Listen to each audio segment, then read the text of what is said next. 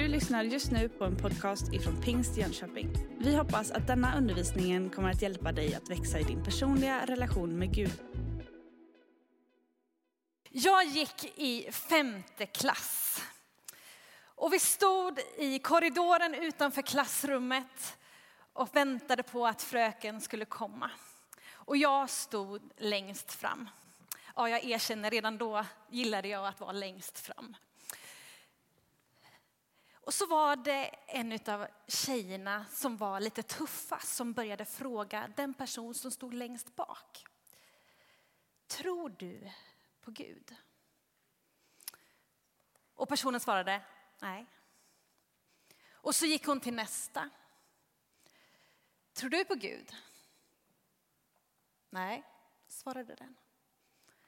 Och så gick hon till nästa. Och nästa. Och så kom hon till en av mina klasskompisar som jag visste gick i samma kyrka som jag. Och frågade, tror du på Gud? Och hon svarade, jag, jag, jag vet inte. Och så gick hon till nästa. Och jag kände liksom hur pulsen bara steg mer och mer. Och jag blev mer och mer nervös.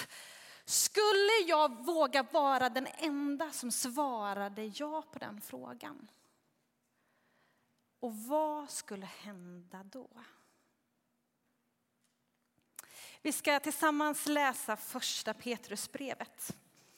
Vi ska läsa ifrån vers 8 till och med 18. Och sen kommer vi fokusera framförallt på verserna 13 till 18. Men vi läser. Till sist ska ni alla visa enighet, medkänsla, syskonkärlek, barmhärtighet och ödmjukhet. Löna inte ont med ont eller hån med hån. Tvärtom ska ni välsigna, för ni är kallade att ärva välsignelse. För den som älskar livet och vill se goda dagar ska vakta sin tunga från det som är ont och sina läppar från att tala svek. Han ska undvika det onda och göra det goda, söka friden och följa den. Herrens ögon är vända till de rättfärdiga och hans öron till deras bön. Men Herrens ansikte är emot dem som gör det onda. Vem kan göra er något ont om ni brinner för det goda? Ja, även om ni skulle få lida för det som är rätt är ni saliga. Var inte rädda för dem och låt er inte skrämmas. Herren Kristus ska ni hålla helig i era hjärtan. Var ständigt beredda att svara var och en som ber er förklara det hopp ni har. Men gör det ödmjukt, med respekt och ett rent samvete så att det som talar illa om ert goda levnadssätt i Kristus får skämmas för sitt förtal. Det är bättre att lida för goda gärningar om det skulle vara Guds vilja än för onda gärningar. För så led också Kristus en gång för era synder. Rättfärdig led han i orättfärdiga ställe för att föra er till Gud. Han blev dödad till kroppen men levande jord genom anden. Ja, herre, jag tackar dig för ditt ord. Jag tackar dig för att vi får lägga den här stunden i dina händer, Herre. Och jag ber att du ska vara med förkunnelsen och du ska vara med oss alla, att vi får vara mottagliga för det du vill säga oss idag, Herre. Jag ber att det du vill säga ska få gro, att det som inte är från dig ska falla till marken, Herre. Jag ber att vi alla ska få lyssna till ditt ord, Herre. Och jag ber att du rör vid oss och rör vid våra hjärtan. Och vi förväntar oss att du talar personligt till oss var och en, Herre. Så stor är du. Amen. Vi är alltså i första Petrusbrevet och i inledningen av det så framgår det att det är Petrus som är författare och det skrivs till de utvalda som lever skingrade som främlingar i Pontus, Galatien, Kappadokien, Asien och Betynien. Detta är fem romerska provinser som ligger i de norra och de västra delarna av dagens Turkiet. Och det framgår i brevet att De kristna i detta område lever bland de som inte delar den kristna tron. Och en situation beskrivs i brevet där mottagarna är förföljda. Och det är där vi är nu. Och Petrus verkar skriva detta brev för att betona deras identitet som ett heligt gudsfolk och som att påminna läsarna att oavsett vad som händer så kan de förtrösta på Herren. Och vi kommer framförallt att fokusera på verserna 13 till 18. Så vi går till 13. Vem kan göra er något ont om ni brinner för det goda? Ja, även om ni skulle få lida för det som är rätt är ni saliga. Det påminner lite grann om Paulus ord i 8.31, i Romarbrevet 8.31. Om Gud är för oss, vem kan då vara mot oss? Precis innan det här så har Petrus citerat psalm 34 och beskrivit liksom hur Guds ansikte är emot dem som fruktar, eller till dem som fruktar honom. Och Bibel 2000 väljer här att skriva arbetar för det goda. Eh, men kollar man på grundtexten så är det nästan som att det står de som ivrar för det goda, de som brinner för det goda. Eh, och det kan vara viktigt att eh, notera därför att eh, annars kanske kan det bli lite extra kravfyllt och jag är inte säker på att det var så som Petrus ville förmedla. Ibland säger man ju att gott lönas med gott och ont med ont. What goes around comes around. Och i sådana fall, om det stämde, så skulle ju inte något ont hända den som brinner för det goda. Ändå så är det ju uppenbart att just det händer ibland. Och det är som att Petrus vill klargöra för mottagarna att de inte ska tro att Gud är emot dem för att de får möta motstånd. Gud är inte emot dig för att du får möta motstånd. Utan tvärtom så kan det ju vara så att vissa uppfattar att ett gott levnadssätt, en god livsföring ibland uppfattas som en provokation. Som irriterar människor av någon anledning. Eller att människor som inte inte är kristna har ett annat normsystem. Att vara salig, som den här versen skriver, handlar inte om känslomässig lycka.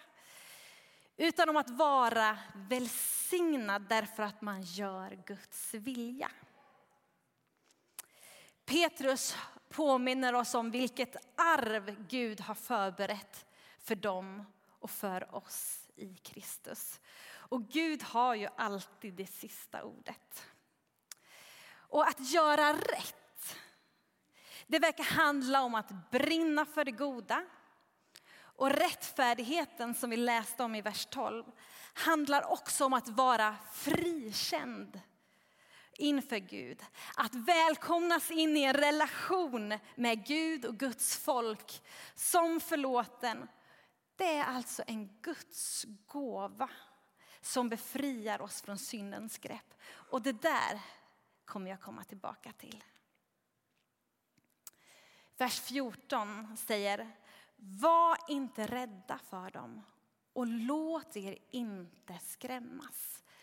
Gång på gång i Bibeln kan vi läsa, var inte rädda.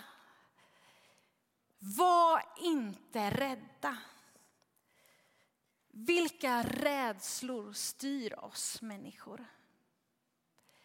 Vilka rädslor styrs du av?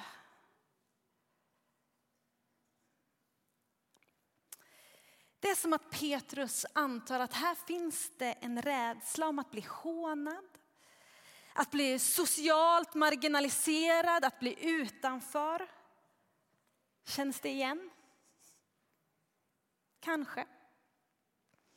Men hur påverkas våra rädslor när vi har ett hopp som Jesus Kristus? Hur påverkar det våra rädslor? Och detta är en uppmuntran till dig som lider och som kämpar. Att Gud finns där livet inte är enkelt. Han är trofast. Gud är Emanuel, Gud med oss. Och det behöver vi påminna oss om ibland. Att Gud är med dig. Vi behöver inte vara oroliga då vi vet vart vårt liv ytterst sett är på väg. Och vi har tillgång till det eviga hoppet. Och vi behöver, inte, vi behöver se våra liv med ett evighetsperspektiv. I ljuset av evigheten. Vi har tillgång till det eviga hoppet. Var inte rädda.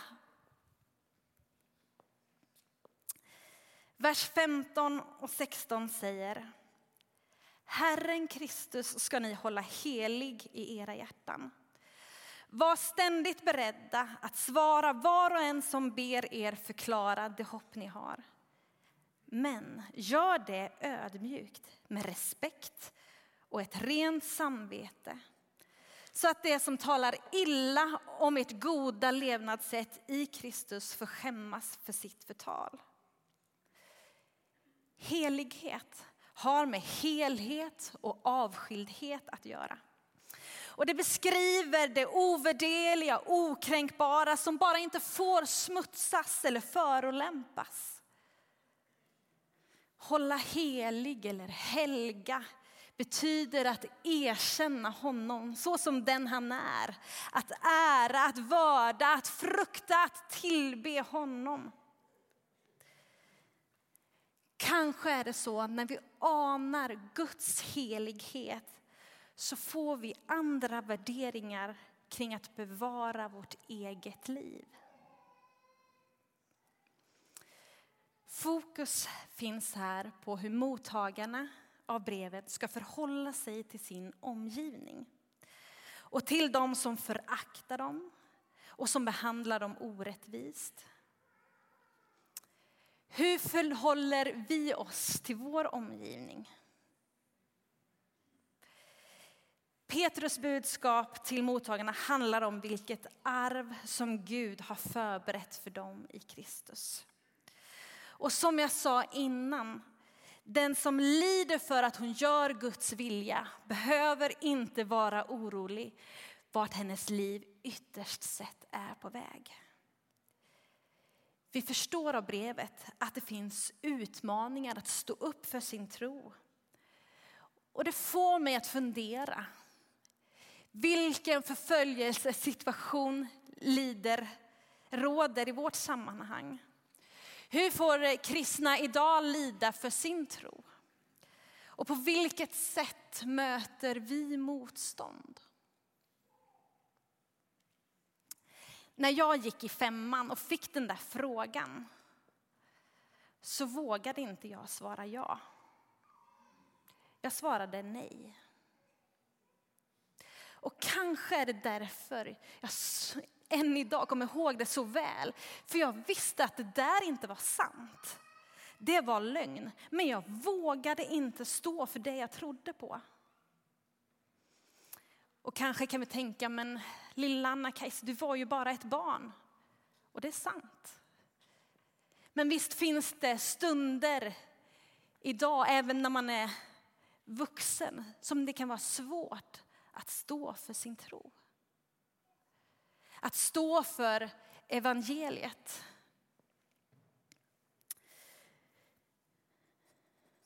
Det kan vara svårt ibland att stå upp för evangeliet i en tid där vi allt mer eh, utmanas i förhållande till vetenskap, i förhållande till andra religioner, i förhållande till ett annat normsystem.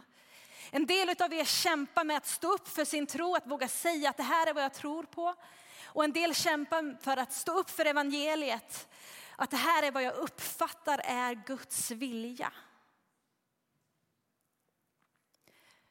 Och jag vet också att en del av er verkligen har fått kämpa och verkligen fått offra någonting. Att bli ifrågasatta av familj, av släkt och vänner för att ni har bestämt er för att följa Jesus. Och efterföljelse kan innebära lidande. Men, men den skördar också hopp. Då det enda som på djupet kan rädda en människa och styrka en människa är Guds nåd. Med Herren på sin rätta plats, helig i era hjärtan, så kan mottagarna och du och jag alltid vara beredda att svara på var och en som ber om förklaring om hoppet. Och hans alldeles unika plats som Herre över alla andra makter och krafter. Och hoppet, som det behöver förklara, det har Petrus tidigare nämnt i bland annat i eh, kapitel 1 och vers 5 där det står Med Guds makt bevaras ni genom tron fram till den frälsning som är redo att uppenbaras i den sista tiden. Och i vers 8 och 9. Honom älskar ni utan att ha sett honom.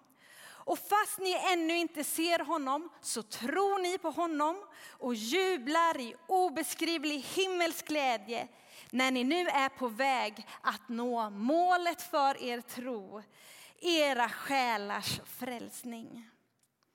Och vers 21. Genom honom tror ni på Gud som har uppväckt honom från de döda och gett honom härlighet så att er tro och ert hopp står till Gud. Alltså att profetian om Guds återkomst till världen som kung har uppfyllts i Jesus och han har besegrat synd och död. Att han till slut kommer att uppenbaras med härlighet för att fullborda mottagarnas och din och min frälsning. Och utifrån bibeltexten så verkar det som att man kan ha rätt svar. Men säga det på ett sätt som förstör ens trovärdighet. Ödmjukhet som vi läser om här skulle kunna översättas med mildhet, med mjukt. Och det målar liksom bilden av någon som talar vänligt och inte skapar onödiga trösklar. Det handlar alltså om att presentera budskapet om Jesus på ett sätt som visar på och exemplifierar Guds godhet och kärlek. Det handlar om att möta världen med äkthet, godhet och barmhärtighet som Gud har visat oss genom Jesus Kristus. Och det ska vi göra tillsammans. Gång på gång så lyfter Petrus i det här brevet att vi hör ihop med varandra och tillsammans har vi uppgiften att gestalta detta. Vi läste inledningsvis i 3 och 8. Till sist ska ni alla visa enighet, medkänsla, syskonkärlek, barmhärtighet och ödmjukhet. Gör vi det? Kännetecknas vår församling, den kristna gemenskapen, av endräkt och harmoni? Gör vi det? Och vad kan du göra för att förstärka den enheten? Det är som att Petrus uppmuntrar brevets mottagare att de kan få växa till i detta. Och jag tror att du och jag också kan få den utmaningen. Att vi kan få växa till i att visa enighet, medkänsla, syskonkärlek, barmhärtighet och ödmjukhet. Vers 17 och 18 säger Det är bättre att lida för goda gärningar om det skulle vara Guds vilja än för onda gärningar. Så led också Kristus en gång för era synder. Rättfärdig led han i orättfärdiga ställe för att föra er till Gud. Han blev dödad till kroppen, men levande jord genom anden. Kristus har lidit för att föra dig till Gud. Kristus har lidit för att föra dig till Gud. Och Petrus gör en sammanfattning av vad som är Guds vilja i 2.15. Det är Guds vilja att ni genom att göra gott ska tysta munnen på oförståndiga och okunniga människor. Han uppmanar också i 2.12, uppför er väl bland hedningarna.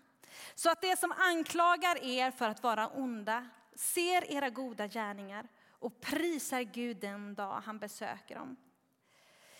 Guds vilja är alltså att folk ska göra det goda och att allt fler ska se det och vända sig till Gud. Och samtidigt så var Petrus medveten om att detta kunde möta motstånd. Då Jesus utsattes för samma sak, då han gjorde det som var gott men vållades för lidande. Petrus skriver i följande verser att det är att göra Guds vilja, att följa Jesu exempel, även om det innebär lidande för dem.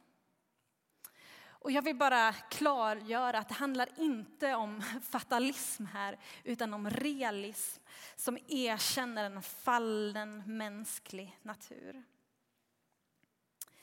I november som var nu så hade jag förmånen att vara i Israel med min skola.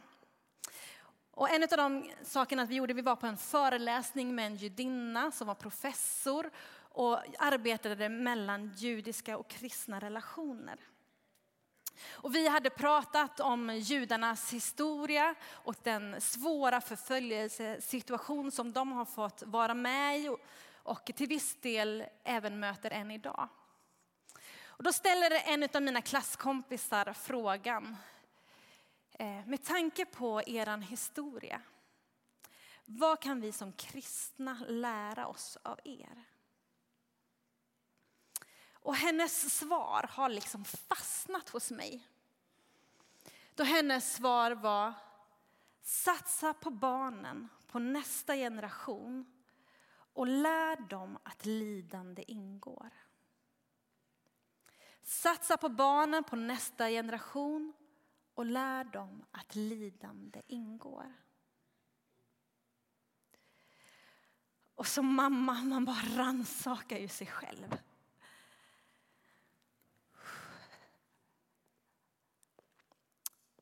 Min familj, mina barn är min absoluta prioritet i berättandet om Jesus. Men berättar jag för mina barn att det också kostar någonting att följa Jesus? Hur rustar jag dem för att möta motstånd? Hur ger jag dem verktyg i att hålla sig till Gud när världen så ofta vill dra dem åt ett annat håll? Och hur gör vi som församling? Hur rustar vi och ger nästa generation verktyg? Hur rustar vi nästa generation? Jag tycker att Joel och Kristoffer ger ett utmärkt exempel på det. Men du och jag behöver också kliva på som andliga föräldrar till nästa generation. Det är inte bara någonting som vi kan lägga på entreprenad på barn och ungdomsledare, utan du och jag behöver kliva fram som andliga föräldrar för nästa generation. Som andliga mor och farföräldrar. Och du och jag behöver ropa till Gud för nästa generation. De behöver det.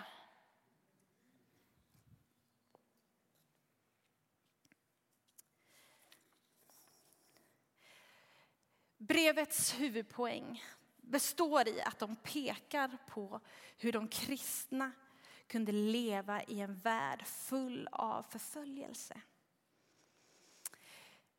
Efterföljelse till Jesus kan innebära lidande, men det skänker också hopp allt eftersom Guds nåd förökas i livet. Och i dessa verser så talas om en frälsningsväg. Som en kärnfull sammanfattning av vem Jesus är och vad hans död på korset innebar.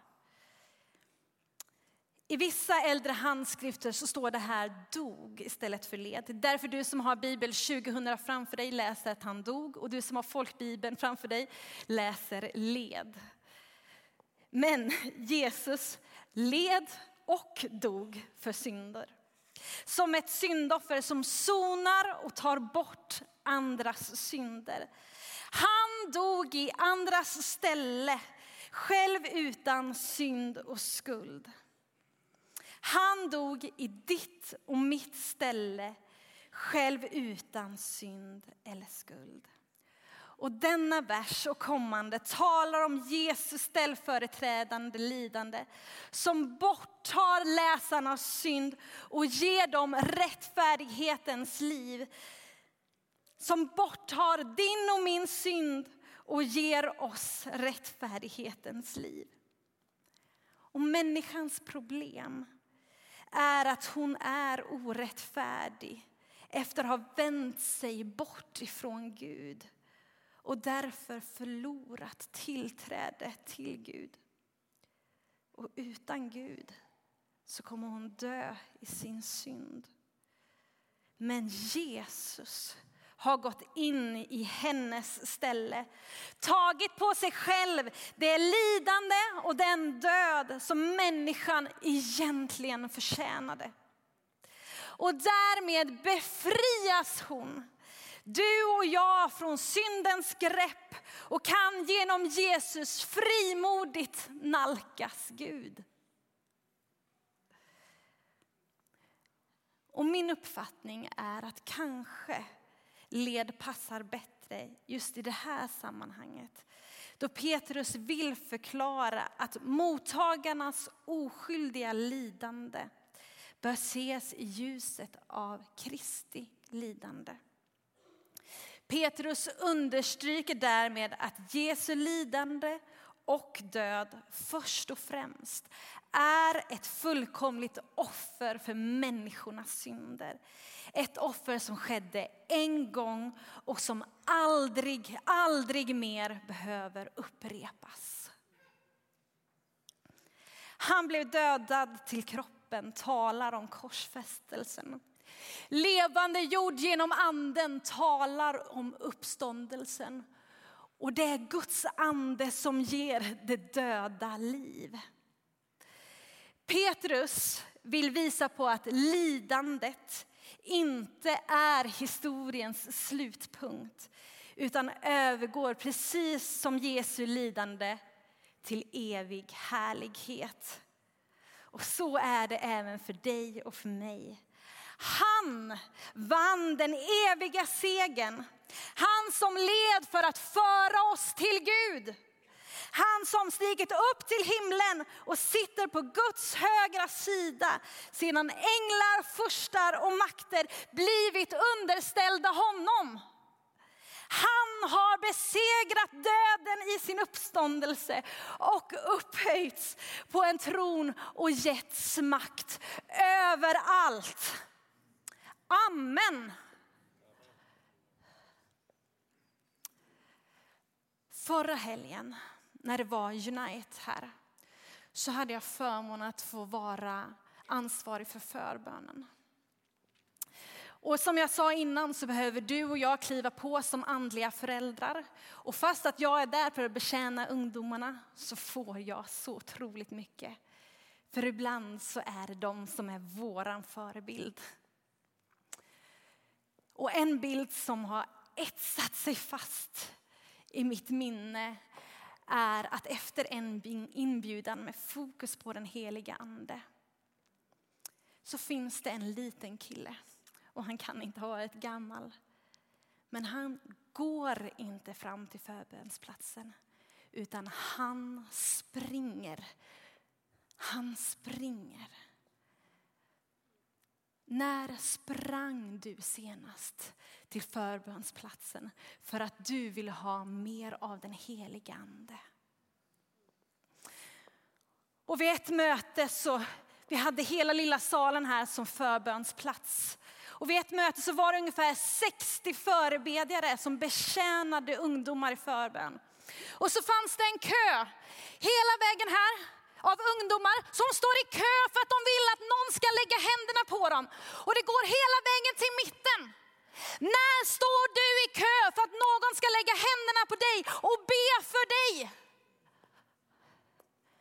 Den längtan efter att bli berörd av Gud, den längtar jag efter.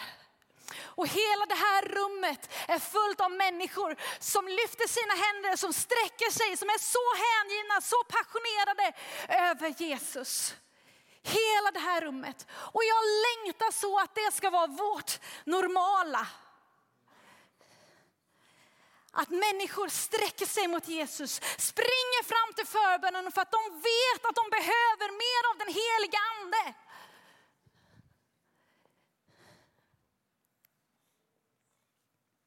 Och det är precis som vi ska göra nu. Vi ska söka Gud tillsammans. Vi ska be för och med varandra.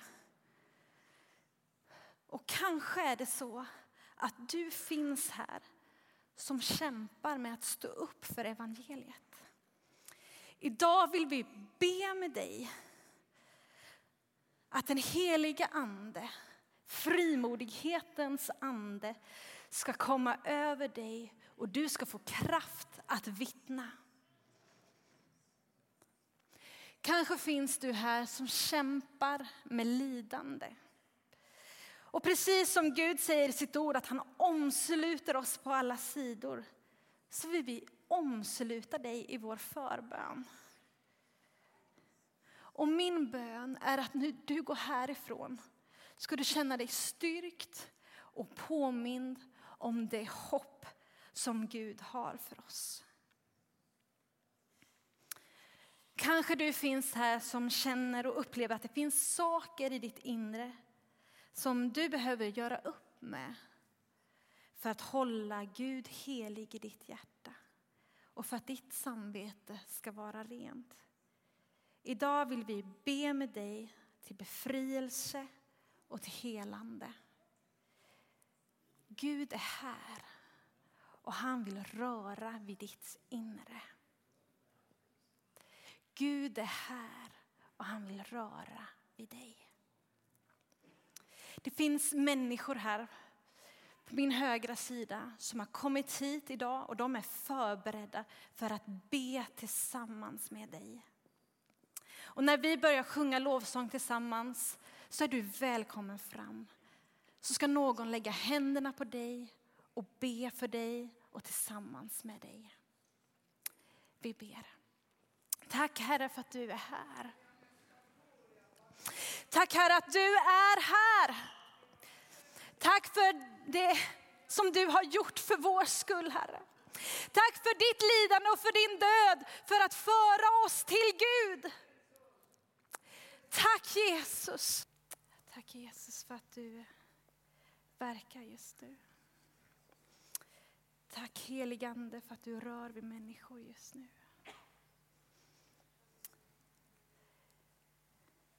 Tack heligande att du pockar på våra hjärtan just nu. Herre, vi vill söka dig. Söka ditt ansikte.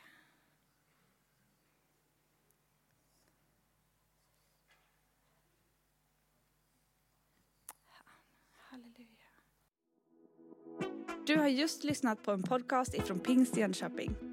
För att få reda på mer om vilka vi är och vad som händer i vår kyrka så kan du gå in på pingstjonkoping.se eller följa oss på sociala medier via pingstjkpg.